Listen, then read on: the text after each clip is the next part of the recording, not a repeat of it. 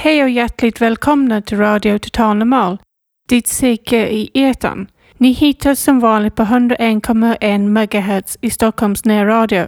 Vi sänder vanligtvis live från Fountain House Stockholm, men idag bjuder vi på ett specialprogram, nämligen första avsnittet på nystartad podd Megalomana rummet. Där samtalar vi idag med Katarina Bergvall om hennes bok Störningar ADHD, pillren och det stressade samhället. Jag ska fylla hela Globen med min musik. Jag ska lägga världen för mina fötter för jag är helt unik. I megalomana rummet är ingen mytoman. Mannen är väl på, kliver fram ur skuggorna och som en gud är scenen min. Hej och välkomna till Megalomana rummet. Ett program där vi kommer ta upp psykisk ohälsa och även ha en gäst varje episod. Idag är det jag, Hannes Lidner, med psykisk ohälsa som jobbar med psykisk ohälsa. Jim Jorefors, P-support på NSPH. Malin Jakobsson, projektledare och producent för Radio Total Normal. Matilda Jakobsson som är praktikant på Radio Total Normal. Idag kommer vi prata med Katarina Bjärvall som har gjort boken Störningen, ADHD, pillren och det stressade samhället. Katarina Bjärvall, välkommen! Ja, tack så mycket. Jag tänkte eh, vi kanske kan börja med att eh, Ja, om du har lust att presentera lite, vad, vad har du gjort innan den här boken? Ja, jag är journalist och författare och har skrivit eh, sju böcker de senaste 20 åren ungefär. Eh, sex fackböcker och en roman. Och um, nu sen den här senaste boken kom ut så har jag funderat en del kring de andra, vad de eventuellt har gemensamt. Det kan se lite spretigt ut för de handlar om olika ämnen och språk och överkonsumtion och nu då psykisk ohälsa. Men jag tror att det är så att man kan säga att alla böckerna försöker lyfta fram och granska olika strukturer som hindrar människor att komma till sin rätt, att vara sig själva på sina villkor. Eh, den första boken heter En gravad hund och handlar om språklig brytning och granskar hur eh, brytning kan användas som förevändning för diskriminering. Och lyfter också fram hur eh, bruten svenska kan vara bra svenska om man blir bemött på rätt sätt. Och sen är det tre böcker om konsumtionssamhället ur olika aspekter. Eh, en om barnfamiljers överkonsumtion och all reklam som riktas till dem. Och en om mobiltelefonen som verktyg i konsumtionssamhället och hur alla företag i mobilbranschen samverkar för att få oss att använda telefonen mer. Och sen eh, en bok som handlar om vad det är i våra hjärnor som får oss att köpa saker vi inte behöver. Och sen då den här boken Störningen som kom ut i januari i år och som handlar om ADHD-diagnosen. Och det är väl lika bra att jag säger det direkt, att titeln Störningen syftar inte på att jag på något sätt skulle tycka att personer som har en ADHD-diagnos är störda. Utan det, det syftar på de olika störningar i samhället som samverkar till att stressa personer som har en sårbarhet för ADHD och som blir tillsammans en stor störning.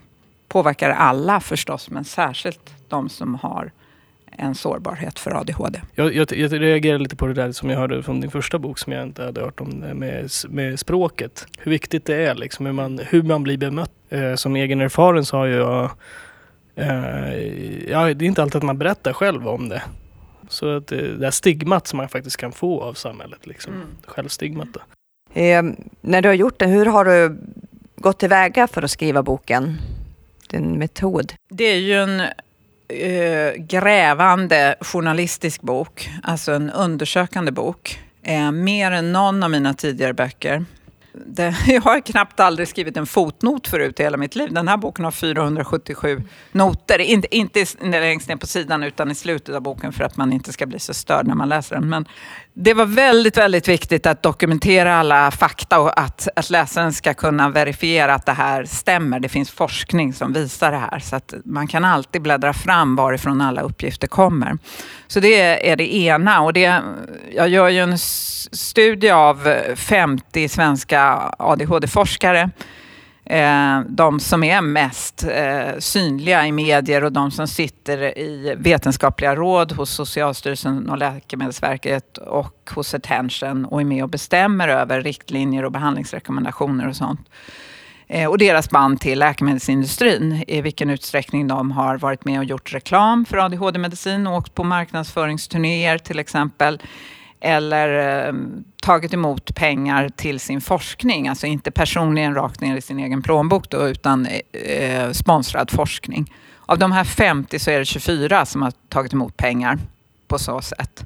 Och det är alltså 26 som inte har gjort det. Så det är ändå så att de flesta svenska ADHD-forskarna inte är korrumperade på det sättet. Men de, de syns inte lika mycket. De får inte alltid den typen av uppdrag. För att de det är väl så att de här pengarna ger möjlighet till marknadsföring av det egna forskarvarumärket så att säga. Det är en arbetsmetod att verkligen eh, gräva i det och dokumentera det.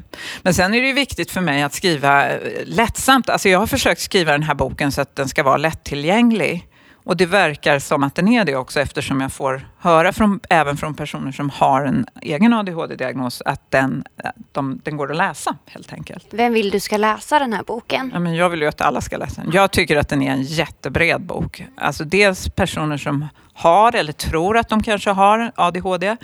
Föräldrar till barn som har en diagnos eller, eller som kanske eh, är på väg att få en alla som jobbar i verksamheter som har med människor att göra egentligen, men framförallt skola och sjukvård. Mm. Vad vill du att de ska ta med från den? Eh, framför allt något sorts förhållningssätt till de här strukturerna som medverkar till att driva upp ADHD-diagnoserna. Alltså att det, det, är så att vi har tidigare betyg i skolan och vi har krav på mer prov.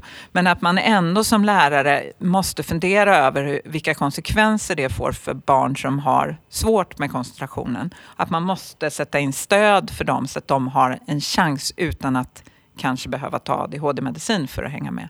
Och samma sak i arbetslivet. Om man har något som helst inflytande på en arbetsplats, att tänka efter hur arbetsmiljön ser ut för folk som inte är stöpta i en strömlinjeformad form, så att säga. Eh, den typen av, av tankar och ett kritiskt förhållningssätt till digital teknik i klassrummet och på fritiden, på raster i skolan. Eftersom barnen behöver annat inflöde än bara från skärmen för att må bra. Så det är väl några sådana saker som vanlig läsare kan ta med sig, hoppas jag. Den här boken är ju ganska ny. Hur har bemötandet varit? Ja, det är jättespännande för det är liksom hela skalan, alla möjliga sorters bemötande. Eh, den har blivit mycket recenserad. Det är många recensioner eh, i, i stora tidningar, DN, Svenskan, Expressen. Eh, och, en del jättefina recensioner som man blir alldeles lycklig. Den här recensenten har förstått vad jag vill säga.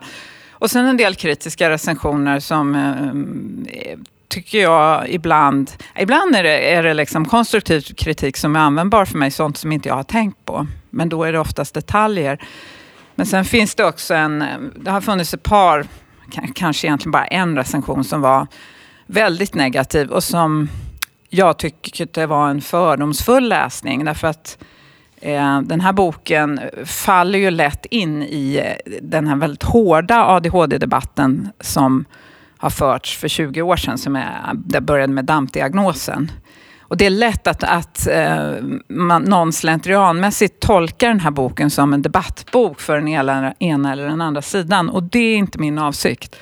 Det här är ingen debattbok utan det är en granskning av vilka mekanismer som har samverkat till att öka antalet ADHD-diagnoser. Och så nyanserat som möjligt. Jag har verkligen försökt titta på allt och även följt en del stickspår, alltså en del hypoteser som jag hade som visade sig sen inte hålla. De har jag ändå redovisat. För att jag tycker att det är ärligt och viktigt att göra det. Det är en, ett misstag som begås av många inom ADHD-forskningen. Att man inte redovisar studier som inte ger de resultat man hade hoppats på. Ja, jag läste faktiskt en eh, artikel där som jag tyckte också att det kändes som att de inte hade, som hade gjort artikeln inte hade riktigt förstått budskapet på något sätt känner jag. Att, att man, eh, när det kommer kring det här med diagnoser och det, där, det, det, det, det är ett sånt stigma på något sätt mm. i samhället. Att även om man, jag tror att eh, även den här eh, hade egen erfarenhet också av det. Så att det liksom Mm. tog det på ett annat sätt och hade en annan synvinkel. Och man kan ju förstå det också. Men, Men jag har ju nu mött många, dels eh, ett par journalister som har intervjuat mig tid, nu de senaste månaderna som själva har en ADHD-diagnos som och som har mött boken precis så som jag vill att den ska bli bemött. Med stort intresse och väldigt spännande samtal med dem. Och sen får jag ju, eh, alltså jag får massor med mejl och meddelanden på Facebook från personer som har, antingen som själva har ADHD eller som har barn som har det. Och som skriver otroligt fint. En kille skrev nu för några dagar sedan att han hade läst 12 böcker på 42 år skrev han. Jag tror att det var hela hans liv som han menade då. 12 böcker som han hade klarat att läsa ut och det här var en av dem. Och så ett långt tackbrev liksom. Då blir man glad. Jag skulle väl läsa ett, jag fastnar för en liten del av boken här. Jag personligen fastnar för en liten del. Okej, men jag läser upp det. Ja, gärna. Den börjar så här. Har människor alltid brottats med hyperaktivitet och koncentrationsproblem? Det som företrädaren uttalad medicinsk syn på ADHD vill gärna hävda det. Läkemedelsbolaget Shire som tillverkade ADHD-medicin citerar till exempel i en reklambroschyr läkekonstens urfadel Hippokrates som år 493 f.Kr ska ha beskrivit patienter med påskyndade reaktioner på sinnenas erfarenheter men också minskad ut- uthållighet eftersom själen förflyttar sig så hastigt till nästa intryck. Jag tyckte det var helt fantastiskt. Det är ju intressant. Eh, det visar ju precis som Shire vill säga. När de använder det här i sina reklambroschyrer för att visa att ADHD alltid har funnits. Eh, symptomen alltid har funnits. Och så är det ju förstås. Det har de ju rätt i. Men det är ju också så att symptomen har blivit ohållbara i vårt samhälle. De krav som ställs nu i skolan och i arbetslivet gör att det är omöjligt om man har, om man har den typen av personlighet som beskrivs där, själens hastiga förflyttning. Alltså att man är lättstörd och tar till sig av impulser. Då funkar man inte i en skola där det krävs att man ska fixa egna inlämningsuppgifter med lång framförhållning och man ska sitta i en miljö som är väldigt störd med ljud och ljus och, och digital teknik som stör Det hela var, tiden. lite, det var lite annat samhälle då. Vi har en helt annan norm nu som inte, det kanske var bättre. Och, Det var nog mycket som var både bättre och sämre då. ja, precis. Ja, men det där, jag tycker det är väldigt intressant det de, eh, om, man tänk, om man tänker tillbaks på det där och, och sen hur reklamen har gått fram liksom för eh, psykofarmaka. Mm. Och mm, som du säger, det där att man tar det, ja men det har funnits tidigare men vi måste behandla det nu på Mm. ett sätt som, vi kanske behandlar det bättre nu eller hur de lägger fram själva. Det var inte det som egentligen var min ingång till boken utan min idé kom från skolans värld. Jag, jag är ju journalist och skriver mycket om skolan. Jag frilansar för olika lärartidningar. Och då såg jag hur, vilken roll ADHD-diagnosen kan spela i klassrummen. Att det, det är någonting väldigt viktigt som lärarna ganska ofta tar upp. Eh, att den där, där barnet har en ADHD-diagnos men har glömt att ta sin medicin så därför är han så stökig idag och sådana saker. Så det var min, därifrån kom min idé till att skriva boken. Men sen upptäckte jag ganska snart att, att läkemedelsindustrins kampanjer för att, eh, framförallt för själva diagnosen, inte alls alltid för medicinen utan för diagnosen, de var väldigt intensiva. Och att det fanns mycket material att eh, läsa sig till, som de, alltså producerat av läkemedelsbolag. Reklambroschyrer, serietidningar som vänder sig till barn och sen förstås på webben. Eh, och jag blev väldigt intresserad av det. Så det kom att bli, det är ungefär en tredjedel av boken som handlar om läkemedelsindustrin ur olika aspekter. Reklam riktad till allmänheten, eh, marknadsföring mot läkare och annan vårdpersonal och sen forskningen, påverkan av forskningen och myndigheterna. Det är en enorm eh, pengaindustri måste man ju säga. Mm. Med, med psykofarmaka och det där. Och, som du säger det med, jag har hört om läkare som har, alltså jag såg lite kring en forskning som de har gjort ut, uppe i Finland så berättar de att de försöker minska på medicinerna liksom. Mhm. I ett område där för psykos. Ehm, Men ehm, då tar de upp i alla fall det där med hur läkare, mm, alltså de blir bjudna på middagar och Mm. där och, och så projekt kring det liksom. Att det blir en väldigt, det är nästan PR, PR eh, biten liksom. Det finns ju lagstiftning kring det där och det har, det har stramats upp en del i Sverige. Men lagstiftningen fungerar ju inte. Jag, jag det var svårt att få Läkemedelsverket som är kontrollinstans att uttala sig om exempel på den här typen av marknadsföring. Hur kan det här vara tillåtet, frågade jag. Det ville de inte svara på. Så jag fick anmäla fyra exempel dit. Eh, och även till Läkemedelsindustriföreningen som är branschorganisation som har ett eget kontrollsystem. Använde, anmälde jag samma fyra exempel. En serietidning, två broschyrer och en tidningsannons. Och alla friades. Eh, och det visar ju att lagen inte fungerar. För läser man lagen så är det solklart. Alltså, marknadsföring av receptbelagda mediciner är förbjudet till allmänheten. Och förbjud alla mediciner. Eh, det är förbjudet att marknadsföra alla mediciner mot barn. Och serietidningen är ju helt klart en barnprodukt. Så att, eh, även om det finns regler så funkar de inte. Det finns ingen som kontrollerar. Mm. Det ju är ju inga, liksom- det är inga serietidningar som säljs på Nej. Pressbyrån. Alltså Nej, de precis. delas ju ut på kliniker där man Mm. utreder ADHD men även till familjer som ännu inte har en diagnos. Mm. Och det är en väldigt, väldigt förenklad bild som ges i de här broschyrerna där eh, medicinen är det som hjälper. Och inga alternativ erbjuds. Jag, jag läste, nu har jag inte läst hela boken, men jag läste början för då förde du några med som hade eh, ADHD och jag tänkte, är det, alltså, det är mycket mer. Är det, anser du att det är mycket lättare nu att få en ADHD-diagnos kanske som inte skulle vara en ADHD-diagnos Lättare än när? än förut att det har blivit, att det har ökat? Ja, alltså det har, ju ändrats. Riktlinjerna för utredning och behandling har ju ändrats. Man följer den här amerikanska handboken som heter DSM. Eh, och den, det är den femte upplagan som används nu och i, i de senaste upplagorna, 3, 4 och 5, så har man utvidgat kriterierna. Eh, diagnosen kom i den tredje upplagan, ADHD, den, det namnet på diagnosen, har ju haft andra namn tidigare. Eh, och sen i den fjärde upplagan så vidgade man kriterierna för att kunna diagnostisera fler flickor som oftast då anser man inte har samma hyperaktivitet utan mer av koncentrationsproblemen. Den sidan av diagnosen dominerar oftare hos flickor, även om det finns massor med undantag förstås. Och sen i den upplagan som används nu, där har man vidgat kriterierna för att fånga in fler vuxna. Eh, man har eh, sänkt antalet kriterier som måste vara uppfyllda från eh, 6 till 5. Eh, och man har höjt åldern för när de första ADHD-symptomen måste ha märkts. Tidigare krävdes det för att en vuxen skulle få en ADHD-diagnos så måste man ha märkt symptom innan man var sex år. Men nu har man höjt det till 12 år. Eh, där, bland annat därför att många inte kommer ihåg hur de var när de var sex år. Och är man vuxen och lite äldre så kanske man inte har föräldrar som lever och kan berätta om det heller. Eh, så det har gjort att många fler diagnostiseras. Så svaret är ja, helt enkelt, på den frågan. Så är det. Men, och ditt huvudsyfte med boken är det att visa att det är samhällets fel att, att det är Ja, så kan man väl förenklat säga. Precis. Alltså, huvudsyftet det är ju att eh, visa att det finns ett stort problem med överdiagnostisering av ADHD. Och det utesluter inte att det samtidigt finns underdiagnostisering. Det finns kvar massa personer i Sverige som borde ha en ADHD-diagnos som inte har fått det. Eh, men det, är ju, det problemet är välkänt och det uppmärksammas redan stort av myndigheter och läkemedelsbolag. Så att för mig var det viktigt att skriva om överdiagnostiseringen och av två skäl.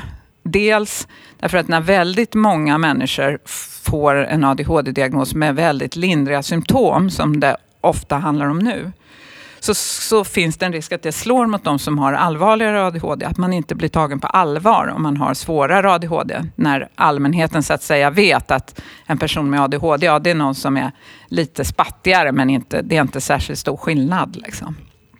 Det är det ena. Det andra, andra är ju läkemedlen som är narkotikaklassade, de flesta av dem, och dopingklassade och, och har svåra biverkningar.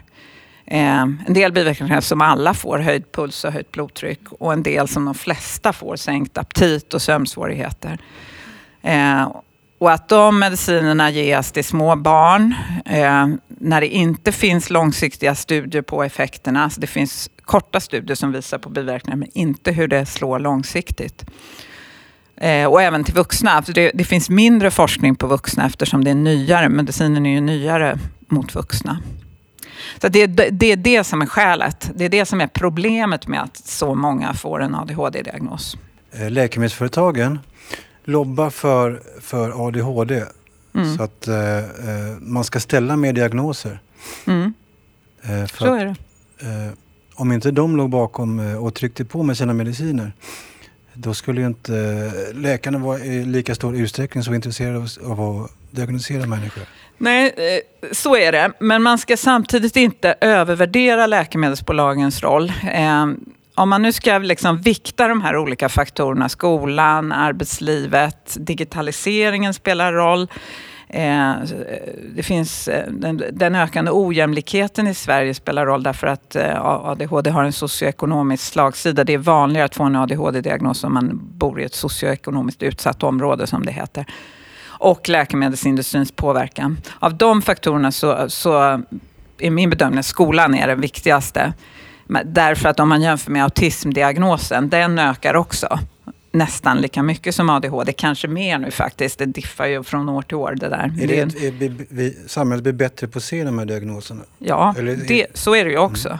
Men mot autism finns det ju ingen medicin. Så där spelar ju inte läkemedelsindustrin roll. Och den ökar ändå. Så det ska man ha i Om man åtanke. ökar förståelsen för någonting då kanske man önskar, äh, utökar eh, rehabiliteringen kring det också. Som Ja. inte är, är farmaceutiskt. Och ja, det skulle man önska hände. Och det händer ju också. Men inte i den utsträckning som skulle behövas. Det, därför att det finns inte samma pengar att tjäna på det. Och det är oftast mer kostsamt. Om man nu skulle hitta på, vi leker med tanken om vi skulle hitta på ett eh, läkemedel för autism. Ja, Eh, det kommer ju säkert att komma. du- Då, då skulle autismdiagnoserna bli fler då? Ja, ännu fler. Det tror jag. För att läkemedel lobbar för Ja. medicin? När de träder in på den arenan då finns det ju en stor risk att det ökar ännu mer. Eh, och det, ja, då är det väl dags att skriva den boken. Det- Då är det dags. Ja. Nästa bok blir om autism. Du sa tidigare att du utgick från vissa teser i början när du började skriva boken. ja, Är det någonting som har förvånat dig i processen? Ja. Till exempel? Ja, läkemedelsbolagens roll. Mm. Jag visste inte det. Ehm, jag läste en bok som heter Pillret av Ingrid Karlberg som handlar om antidepressiv medicin. Den läste jag i början av arbetet. Den handlar om marknadsföringen av antidepressiv medicin. Och då tänkte jag, okej, men det kanske är så här med ADHD också. Så det var det som ledde in mig på det spåret. Det har vi pratat mycket om nu, men en, en annan sak som jag inte hade en aning om när jag började arbeta på boken, det var ju utredningsbolagens roll. Eh, väldigt stor andel av utredningarna som görs nu görs av privata bolag. Därför att landstingen och regionerna är så överbelastade. Psykvården, både barn och ungdomsvård och vuxenpsyk är ju, går på knäna och köerna är jättelånga. Eh, Så man remitterar folk till privata bolag och man kan också skriva en egen remiss och få en utredning utan att behöva gå genom landstingets enheter. Och den branschen växer enormt. Alltså de växer så mycket som bara är möjligt för att de får inte tag på psykologer. Framförallt det, de kan inte rekrytera folk. Eh, och det visste jag inte om och det är ju ett spår i boken som jag granskar också. Och ett annat spår är, ja det är ju jätteintressant, det är ju eh, landstingens betalningssystem, alltså numera med New Public Management som det heter, och att allting går att beräkna. Varenda liten åtgärd som görs inom sjukvården ska värderas och ha ett pris och registreras. ADHD-utredningarna och andra neuropsykiatriska utredningar, de är värderade så att de blir mer lönsamma att göra. Så att det gör att det är också en faktor som bidrar till ökningen. Det lönar sig mycket mer att utreda och hitta en ADHD-diagnos än att utreda för andra mycket mer komplicerade utredningar som borderline och sånt. Mm. Så det är också ett skäl. Allt det här samverkar och trissar upp varandra, liksom och hakar i varandra på olika sätt. Skolan remitterar till BUP och, och BUP samverkar med de här systemen som gör att det, det viktar över åt det här hållet. Jag tänkte lite kring det här med skolan och skolans roll. Liksom kommunala skolor och privata skolor. Har du sett någon skillnad på hur det Nej, jag har inte tittat på det. Men det som är ett faktum är att, att just konkurrensen på skolmarknaden bidrar till att öka antalet diagnoser. Därför att det så, spelar så otroligt stor roll för skolorna att ha helst 100% godkända elever i nian. Så ser man på högstadiet att en del, oftast killar då, inte kommer att klara det då kan det vara ett skäl som får skolorna, läraren, elevhälsan att föreslå för föräldrarna att det här, den här killen då ofta ska utredas för ADHD så kommer han att greja sina betyg till nian. Och det, det finns sådana här databaser där föräldrar, går in när de ska välja skola och då tittar man ju på, man vill ju välja en skola som har 100% godkända. Så det är en sån väldigt viktig drivkraft för enskilda skolor att få upp elevernas betyg på högstadiet. Hur, hur ser det ut med eleverna där som blir diagnostiserade? Har du sett, jag tänkte kring det där, så har lite kring teknik och sånt också som stör Mm, i, mm. i det här samhället. Jag tänker ju med mobilen, man är ju Ja. ständigt uppkopplad. Ja. Och, och, och samtidigt vill man ha den här quick fix också Mm. hela tiden på något sätt. Ja, det där är ett jätteviktigt spår eh, och det är ju kontroversiellt i Sverige. Det, den debatten är också infekterad. Det är ju en annan debatt än ADHD-debatten, men debatten om skärmtid. Eh, därför att jag har ju skrivit om det tidigare rätt mycket och det är, man kan få på moppe om man uttalar sig kritiskt om digital teknik. Vi är ju väldigt framstegsvänliga i det här landet. Det börjar väl svänga lite nu också därför att det kommer så mycket studier som visar skärmtidens roll för ökningen av psykisk ohälsa. Ofta, ofta via sömnsvårigheter, alltså för lite sömn som gör att man börjar må dåligt. Och det är en komponent när det gäller ADHD. Om man har en sårbarhet för ADHD, alltså har, Eh, är lättstörd och har koncentrationssvårigheter, så finns det en risk att det ökar om man spelar mycket dataspel. Därför att eh, specialeffekterna i dataspel är så eh, beroendeframkallande så man fastnar där. Man, man, tycker, man, man kan snabbt bli väldigt duktig för att det här håller mig kvar. Och då kan inte skolan konkurrera eller läsningen av en bok på fritiden. Det finns inga specialeffekter. Så man, man får mycket svårare att koncentrera sig i skolan om man har spelat väldigt mycket dataspel. Jag, tänkte, jag läste i boken det stod om att eh, människor som har ADHD har ungefär 15 procent lägre löne, löner eller inkomst. Vilket var det? Jag kommer inte ihåg. det Nej, där är ju det amerikanska var- undersökningar Ja. och jag har inte siffrorna så är, det, huvudet. men- är det en ja. fattigmansdiagnos? Ja, det skulle man nog kunna säga att det har varit. Så ser det ut. Det finns studier både från USA och Storbritannien och Sverige som visar att ja, ADHD är vanligare i, i socioekonomiskt utsatta grupper, alltså där föräldrarna har låg utbildning eller låg inkomst. Det finns tecken på att det håller på att ändras eh, i takt med att eh, diagnosen avstigmatiseras och blir vanligare. Jag blev kontaktad under arbetet med boken av en lärare som jobbar på en skola på Lidingö. Och hon upplevde att det var ett stort problem på hennes skola att så många föräldrar ville ha hjälp med skolan att få en ADHD-diagnos för elever som skolan tyckte var oproblematiska. De här eleverna hade inga problem i skolan, men de var uppkäftiga hemma och det passade inte in. Det här är ju hennes, det är verkligen det som kallas för anekdotisk evidens. Det är bara ett enda exempel, men hon upplevde att det passar inte in i den fina övre medelklassmiljön på Lidingö att ha en stökig unge på högstadiet. Så de ungarna skulle då diagnostiseras för att få medicin. Det var medicinen som är drivkraften. Och efter att boken kom ut nu så fick jag mejl från en rektor på en annan skola på Lidingö. Alltså, det finns inget samband, men hon skriver samma sak. Att hon känner igen det här från sin skola. Så det var ju intressant helt enkelt. Alltså menar du att, att barnen då inte vågade vara uppkäftiga i skolan utan de var det? Nej, så menade hon inte. Utan hon menade att de här barnen är inte särskilt problematiska. Men de har ändå ADHD? Nej, hon menar att de har inte ADHD, utan det är vanliga ton- tonåringar Ah, som de- är lite uppkäftiga hemma, därför Ah, att det är ja. ganska normalt att vara det. Men det accepterades inte.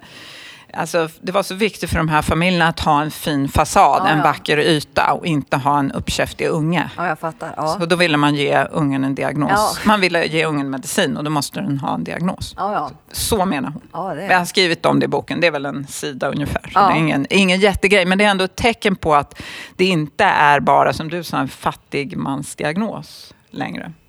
Faktiskt. Mm. på Men, gott och ont förstås. Men det, visst, för man tänker sig ju den här killen, för det har alltid varit alltså den här stökiga killen. Mm. Och det är i siffror att det är det mest de, de som får diagnoser fortfarande. Ja, det är fortfarande ungefär dubbelt så många pojkar som flickor som har diagnosen i, i de eh, åldrarna upp till 17 år är det väl. Eh, men det ökar mer bland tjejer.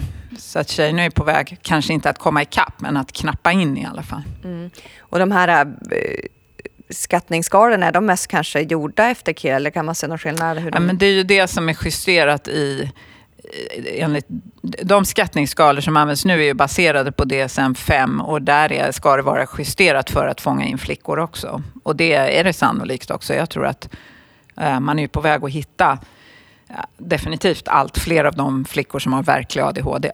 Mm. Och det är förstås bra helt enkelt. Det är inte mer komplicerat än så. Det är Nej. bra att alla som har svår verklig ADHD får en diagnos och kan få medicin om de vill ha det och om, det, om den hjälper. Det gör den ju inte alltid. Men för de flesta hjälper medicinen mycket väl. Den kan vara väldigt effektiv. Jag tänkte bara fråga dig om du har några tips hur man ska avstigmatisera och utbilda samhället för att bli bättre på att ta hand om ADHD-människor och hur vi ska bli bättre på det själva, vi som har ADHD. Om det finns, Alltså, det I boken så nämner du experter Ja. som eh, Magnus Uggla, som eh, Mark, vad heter han, Phelps, simmaren. Ja. Är det bra ambassadörer? för? Ja. Och det är jättebra att det kommer fram. Precis det. Eh, att personer som kan vara förebilder inte längre är rädda för att berätta om sin psykiska ohälsa, vad det än är. Eh, samtidigt så, så kan man ju önska att de gjorde det just så komplicerat som det också är. Jag var och lyssnade på um, Jorgos Karpatakis, eh, Jojje kallar han sig, eller hur? Underbara ADHD. Och han visade ju då en bild på sin medicin och, och var väldigt, väldigt positiv till medicinen. Och, och nu var inte målgruppen för den eh, föreläsningen var inte personer som själva hade ADHD utan det var ju professionella som jobbar med det. Men jag tycker ändå att det är problematiskt att han så, så tydligt vill marknadsföra medicinen. Han sa till och med då att min läkare gillar inte att jag visar det här men jag vill ändå säga att det här är det bästa. Mycket märkligt tycker jag. Och lite synd faktiskt för att det finns mycket andra verktyg som kan hjälpa, olika former av KBT-behandling och om man läser eh, FASS, alltså läkemedelsbolagens beskrivning av hur medicinen ska användas, som de är juridiskt bindande att formulera, så står det på alla ADHD-mediciner att den ska kombineras med någon form av psykoterapeutisk behandling. Man ska aldrig ta bara medicin. Och det görs nästan aldrig. När jag har försökt undersöka det så är det otroligt ovanligt att man får ett erbjudande om den typen av KBT-behandling när man får en ADHD-diagnos.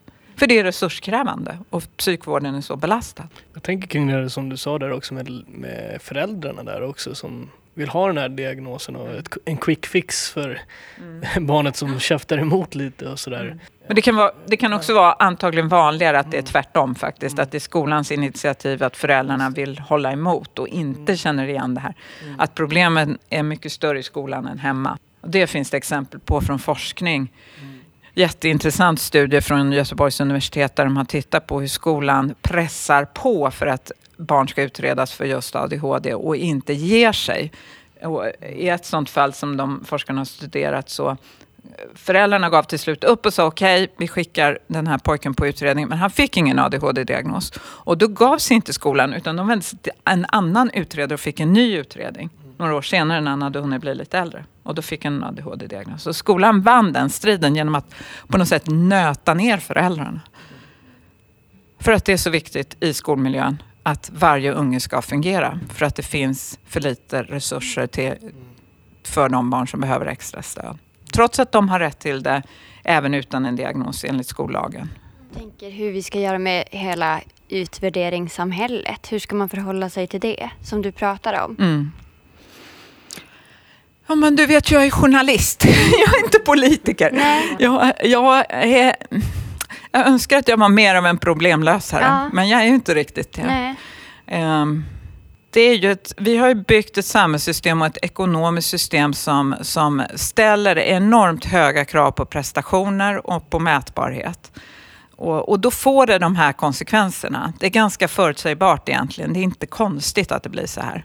När vi har valt det här samhällssystemet. Och, och det är en mänsklig byggnation som vi har makt att ändra på. Vi kan, vi kan genom demokratiska val rösta fram ett annat samhällssystem.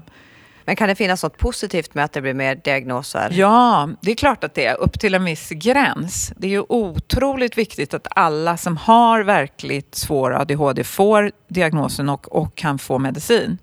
Eh, men det är ju en spektrumdiagnos som ni vet som, som jobbar med sånt här. Mm. Så det är ju ingen, ingen lätt, det finns ingen gräns där man kan dra och säga här på den sidan ska man ha ADHD och här ska man inte. Utan det är ju hela tiden en avvägning och det är förhandlingsbart. Och det visar ju boken också att läkare är väldigt påverkbara.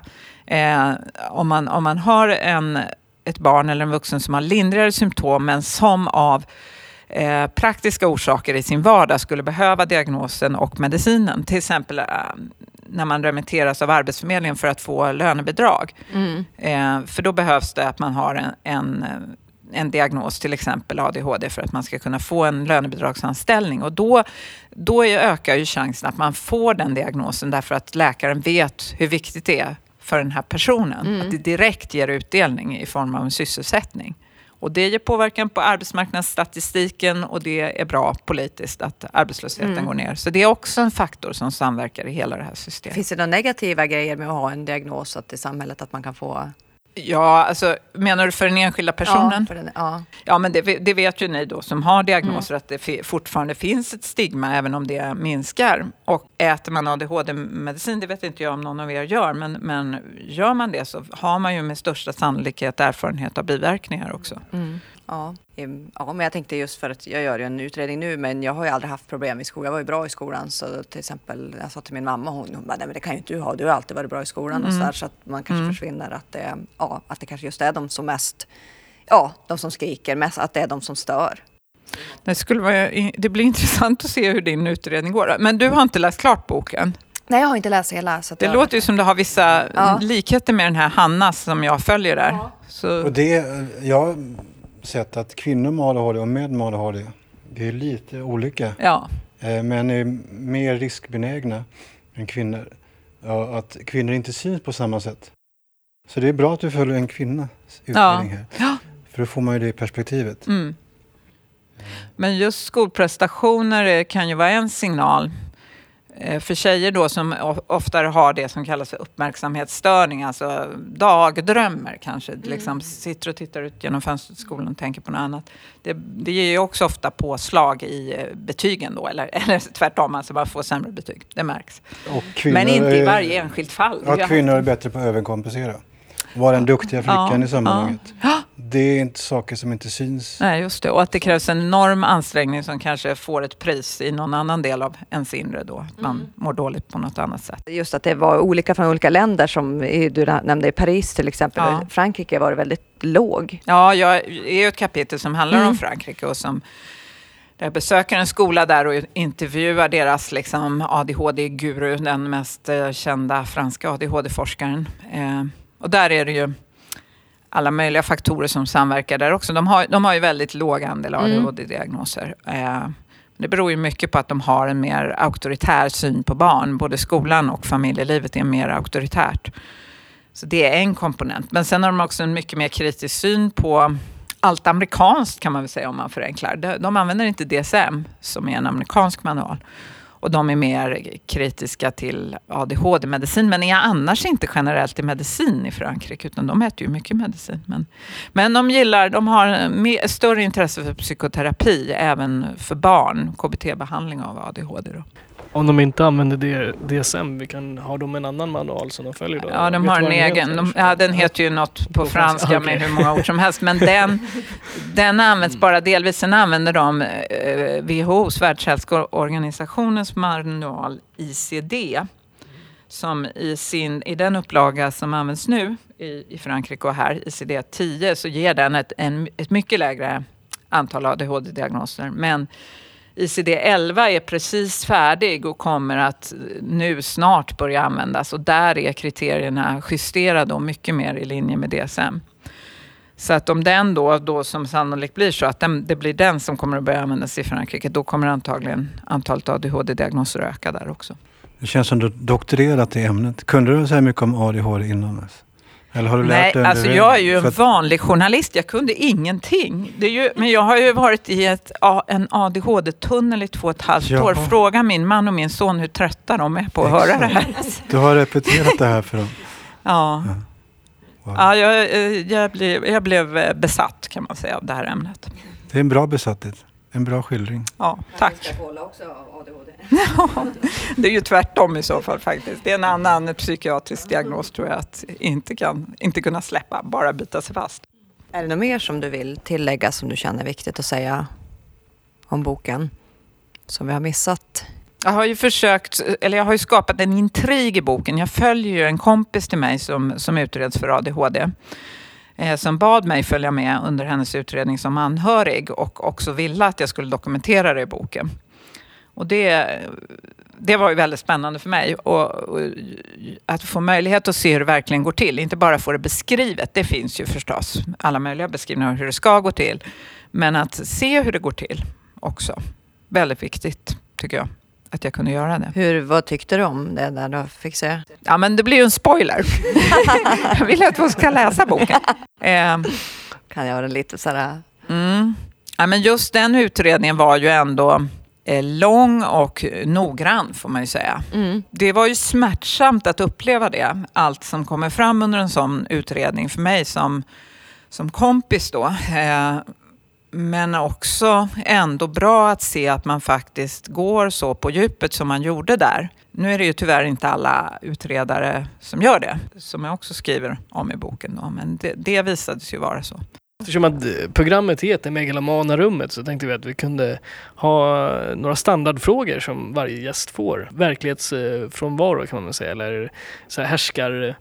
Storhetsvansinne. Storhetsvansinne, precis. Exakt. Napoleonkomplexet där liksom.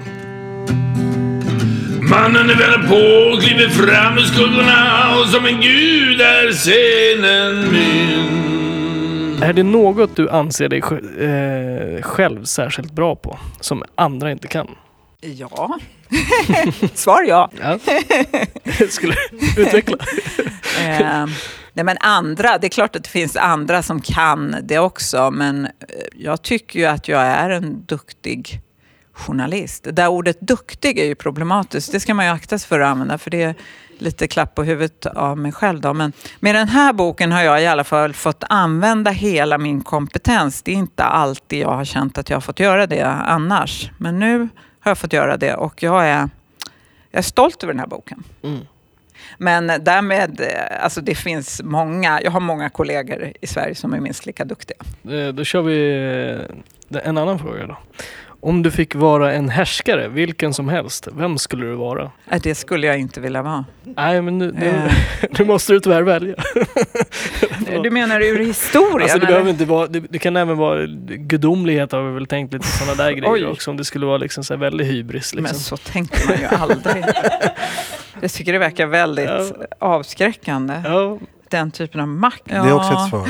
Ja, jag kan nog inte ens fantisera ihop. Eh, härskare är så det är ju så, det är ju ett sånt negativt laddat ord. Det, är ju, det ligger ju i, det är ju något diktatoriskt Ja, i precis. det. Ja, men det är ju lite det som mm. är den här megala... Alltså det kan ju vara också, okay, en väldigt betydelsefull person. Vi kan omformulera alltså, det jag, så. Jag skulle ja. uppriktigt sagt absolut aldrig vilja ha den typen av makt. Men, men om jag... Det finns ju till exempel saker som jag skulle vilja förändra inom svensk skolpolitik. Eh, om jag hade makt över det så skulle det, skulle det vara intressant. Prestationshetsen i skolan, den skulle jag vilja... Mm. Vad ska man säga, utbildningsministern? Skulle jag absolut inte vilja vara. Men, men, jag försöker men jag bara skulle, fiska jo, lite. Jag skulle, Men jag skulle kunna tänka mig att sitta på utbildningsministerns mm. axel och viska i örat ja, ja, ibland att hallå, dra i de här tyglarna nu så att det svänger åt ett annat håll. Något sånt. Det låter bra. Fast jag är ju väldigt nöjd med mitt jobb så jag vill inte byta. Jag vill inte liksom vara rådgivare ja. där. Nej. Okej, du, men vi, vi kör nästa då. Om du fick ha en superkraft som bara du har, mm. eh, vilken skulle du ha? Ja, jag skulle vilja styra Donald Trumps tankar. Mm. Hypnotisera honom mm. så att han blev en snäll och klok människa och började föra en helt annan politik och började säga saker. För att han har ju stor påverkan på en stor andel av världen, inte bara sin egen befolkning. Många lyssnar, alla läser ju hans tweets. Mm. Om han började liksom ifrågasätta kapitalismen och rasismen och allt det som han nu bara pumpar ut. Om han vände, då skulle det kunna förändra världen. Så den superkraften, om jag får den så tackar jag ja. Jag har en liten följdfråga på den också. Okej. Om du, om du har den här då, då Mm. och du skulle behöva berätta det för någon i din närhet. Alltså egentligen måste du hålla det hemligt, men Mm. om du, hur skulle du berätta för din, att du har den här kraften? Nej men jag berättar allt kan man säga för min man. Så Så jag skulle inte, jag berättar inte allt för honom. För att ibland händer det att någon ger mig ett förtroende Ja. som jag lovar att inte berätta för någon och då gör, då gör jag Ja, faktiskt ja. inte det ens för Nej, honom. men, Men, eh, skulle, så du skulle säga det kanske jag innan skulle inte kunna låta bli att säga det till honom. Nej. Du älskling, jag kan faktiskt styra Donald Trumps tankar i rätt riktning. Då skulle han nog ringa 112 och begära psykakuten. Det är det som har lite det här megalomana. Ja, nu kommer du fram. Just det, vi har också en liten så här, um, vad ska man säga, om du har något som du verkligen brinner för. Och vi har formulerat det lite, vart bor nörden i dig? Alltså vart bor den här uh, eldsjälen Ja. inom dig? Vad har, vad är det så här, bo, alltså Ja. i, inte i dig, alltså vad kanske hos dig kanske? Ja, men jag är ju, om man nu ska Ja, prata i termer av psykisk ohälsa så är ju jag, eh, det här är slarvigt uttryckt kanske då i särskilt ert program där alla är experter, men jag har ju och det har väl alla, en schizofren läggning om man nu får använda ett sånt begrepp. Alltså, jag är tvådelad. Jag kan i stora delar av mitt liv propageras för slarv. Jag ägnar mig till exempel åt det som jag kallar för slarvslöjd. Alltså jag ger bort fula dockor som jag har sytt på en kvart på symaskinen för, till kompisar som får barn och så. Och jag kokar slarvsylt på sommaren, snoppar inte krusbärna, bara i med dem i grytan, häll på socker så sylten blir klar snabbt. Men i yrket så är jag ju nördigt noggrann. Alltså de här 477 fotnoterna räcker väl. Liksom. Det får inte finnas ett fel. Och jag faktiskt tror inte det finns fel i den här boken. Ingen har upptäckt något hittills. Lite så pedantiskt i, Ja. i det. Ja. Jag grämer mig fruktansvärt fortfarande över att jag stavade fel på Refat El Sayeds namn i min första bok. Mm. Det Så är det som jävligt Det har följt irriterande. dig. Ja. Okej, vi ska se. Då då kommer den sista då. Mm. Vad brukar folk ge dig komplimanger för? Att jag lagar god mat. Då gör vi summeringen. Katarina Bjärvall, enligt de här megalomana frågorna så skulle du vilja vara en person som eh, har lite makt inom eh, utbildningsväsendet. Så att du kan på något sätt få in en fot där. Du skulle också kanske ha en superkraft då som du kan hjälpa till att faktiskt på något sätt liksom få in i Trumps huvud att, att det finns lite bättre värderingar kanske Ja. som man kan följa. Du är väldigt duktig på att skriva böcker. Så här. Du är väldigt nöjd med de här böckerna du har skrivit. Ehm, sen så... Det lät ju faktiskt riktigt megaloman. Och de, dessutom är du väldigt pedantisk med vad du gör i böckerna. Så att det blir väldigt så här, det ska vara väldigt ko- korrekt liksom. Och folk brukar tycka om den maten du lagar. För den är god. Ja, Och din man vet om att du kan påverka Trump. ja det vet Så, jag. ja. Tack så hemskt mycket att du kom. Tack så mycket. Jag ska fylla hela Globen med min musik. Jag ska lägga världen för mina fötter för jag är helt unik. I megalomana rummet är ingen mytoman. Mannen är väl på, och kliver fram ur skuggorna och som en gud är scenen min. Ni hörde det första avsnittet av podden Megalomana rummet där vi talar med författare, forskare, psykologer och andra intressanta gäster om ämnet rör vårt psyke. Medverkande var Hannes Lidner, Jim Jörefors, Matilda Jakobsson och Malin Jakobsson samt Katarina Bergvall som var gäst. Nästa livesändning från Radio Total Normal den 2 maj. Vill du vara med i våra sändningar så kom gärna på redaktionsmötet måndagar klockan 11 på Fountain House Stockholm, Götgatan 38. Till nästa sändning kan du lyssna på oss via www.radiototalnormal.se eller på Soundcloud och iTunes. Du kan också hittas på Facebook, Twitter och Instagram. Radio Total Normal drivs av föreningen Fanzingo med stöd från Socialstyrelsen och Fountain House Stockholm. Tekniker Johan Hörnqvist, redigerare Matilda Jakobsson. Producent och ansvarig utgivare Malin Jakobsson. Vignettmusik Hasse Bergman. Och jag som var dagens presentör heter Tracy Uren.